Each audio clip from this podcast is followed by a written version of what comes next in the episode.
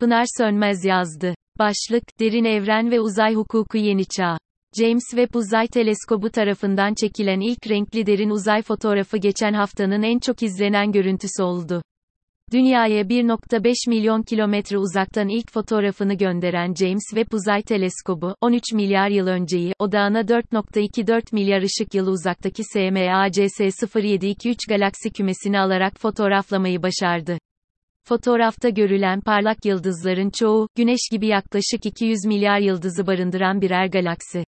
Her birinde yaklaşık 200 milyar yıldız ve onların etrafında dönen trilyonlarca gezegen var. Bu fotoğraf, hem galaksi etkileşim teorilerini gözden geçirmek hem de yeni teoriler geliştirmek için çok önemli. Peki söz konusu çalışmalar hangi uluslararası hukuk kurallarına göre yürütülüyor? Uzaydaki faaliyetlerin hukuki gelişimi nasıl oldu ve yürürlükteki koşulları nelerdir? Uzay hukukunun uluslararası hukuktaki konumlanmasına dair tarihsel süreç nasıl başladı? Uzaya açılma konusundaki ilk çalışmaların başladığı 19. yaydan ikinci. Dünya Savaşı sonrası Soğuk Savaş yıllarındaki teknolojik gelişmeleri hızlı bir süreç yaşandı. İlk hukuksal düzenlemeler Soğuk Savaş'ın etkisi ve geleceğin bilinmezliğiyle karşı tarafın hakimiyetini önlemek, gelişmekte olan ülkelerin ise kendilerini koruması üzerine kuruluydu. Doğu-Batı bilimsel etkileşiminin duraklamasına neden olan Soğuk Savaş yıllarından sonra Uluslararası Jeofizik Yılı olarak anılan bilimsel projeyi takiben 1958 yılı sonunda BM Genel Kurulu, uzayın barışçıl amaçlarla kullanımı meselesi, başlıklı belirleyici bir karar aldı.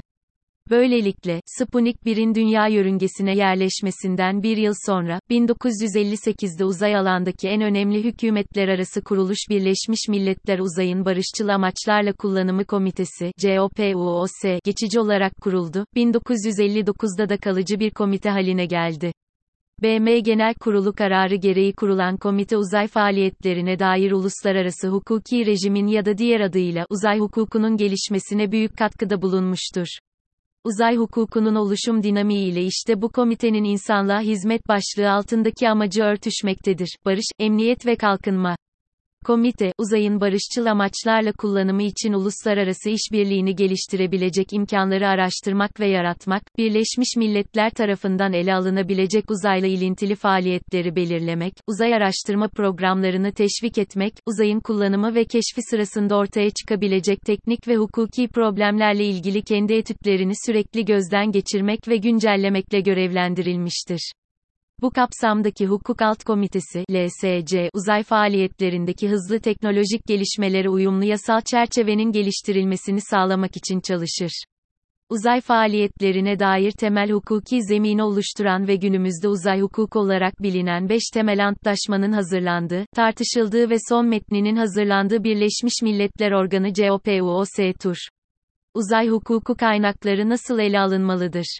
Uzay hukuku, uzaya ve uzay faaliyetlerine ilişkin temel hukuki uygulama ve rejimin, uluslararası anlaşmalar, uluslararası ilkeler ve bağlayıcı olmayan diğer düzenlemelerle belirlenmiş olması sebebiyle uluslararası hukukun bir alt dalı olan, özel bir hukuk alanıdır, kökleri uluslararası kamu hukukuna uzanır. Uzay hukukunun normları, genellikle uluslararası hukukun bir parçasını oluşturur ve oluşum süreci açısından deniz hukuku ile benzerlik taşıdığı hususlar söz konusudur.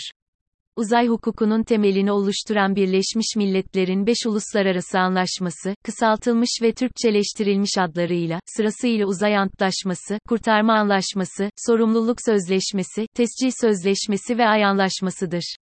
105 devletin imzası bulunan ve uzay hukukunun ilk anlaşması, Magna Carta of Space, uzayın Magna Cartası olarak nitelenen, ay ve diğer gök cisimleri dahil, uzayın keşif ve kullanılmasında devletlerin faaliyetlerini yöneten ilkeler hakkında antlaşma, uzay hukukunun temeli olarak kabul edilmektedir. Uzay hukukuna ilişkin temel 5 anlaşmada yer alan uluslararası hukuk konuları, ilkeleri genel olarak nelerdir? Uzayın herhangi bir devlete tahsis edilmemesi, silahların kontrolü, keşif konusunda özgürlük, uzay araçları ya da cisimlerinin sebep olduğu zararlardan sorumluluk, uzay araçları ve astronotların güvenliği ve kurtarılması, uzay faaliyetlerinin bildirimi ve tescili.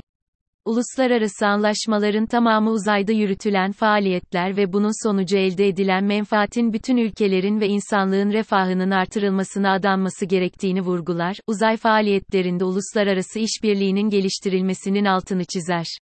Uzay Antlaşması'yla, uzaya dair her aktivitenin ana şartının barışçıl kullanım amacı taşıması olduğu kabul ve taahhüt edilmiştir.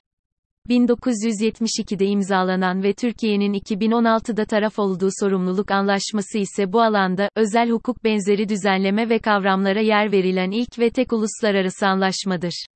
Anlaşma ile belirlenen tazminat yükümlülüğünü temin eden delil ise uzay cisminin bir devlete tescilinin yapılmış olmasıdır ki bu da tescil anlaşması ile sağlanmıştır. Türkiye, uluslararası alanda, 5 uzay anlaşmasının tamamına imza atmış 16 ülkeden biridir. Ulusal seviyede, uzay ile ilgili stratejik ve hukuki karar alma, uygulama ve uygulatma yetkisi, 2011 yılından itibaren, resmi olarak Ulaştırma ve Altyapı Bakanlığı'nın yetki alanındadır. Ülkemizin imzaladığı sözleşmelerden kaynaklanan uluslararası yükümlülüklerinin ulusal kanunlarımıza ve ulusal mevzuatımıza yansıtılması için de sistemli bir çalışma yerinde olacaktır. Henüz yolun başı. Doğal kaynakların işletilmesi konusunda henüz uluslararası bir sistem olmamakla birlikte, uzay hukukunun merkezinde taraf devletleri, zamanı geldiğinde, bu sistemin kurulmasıyla yükümlü kılan uluslararası anlaşmalar ve açıkça zikredilen barışçıl erek bulunuyor. Ursula K. Le Guin'in güzel romanı Mülksüzler'de Kıfçır sorar, kim uğrasa gitmek ister? Ne için? Şevek yanıt verir, başka bir dünyanın nasıl olduğunu keşfetmek için.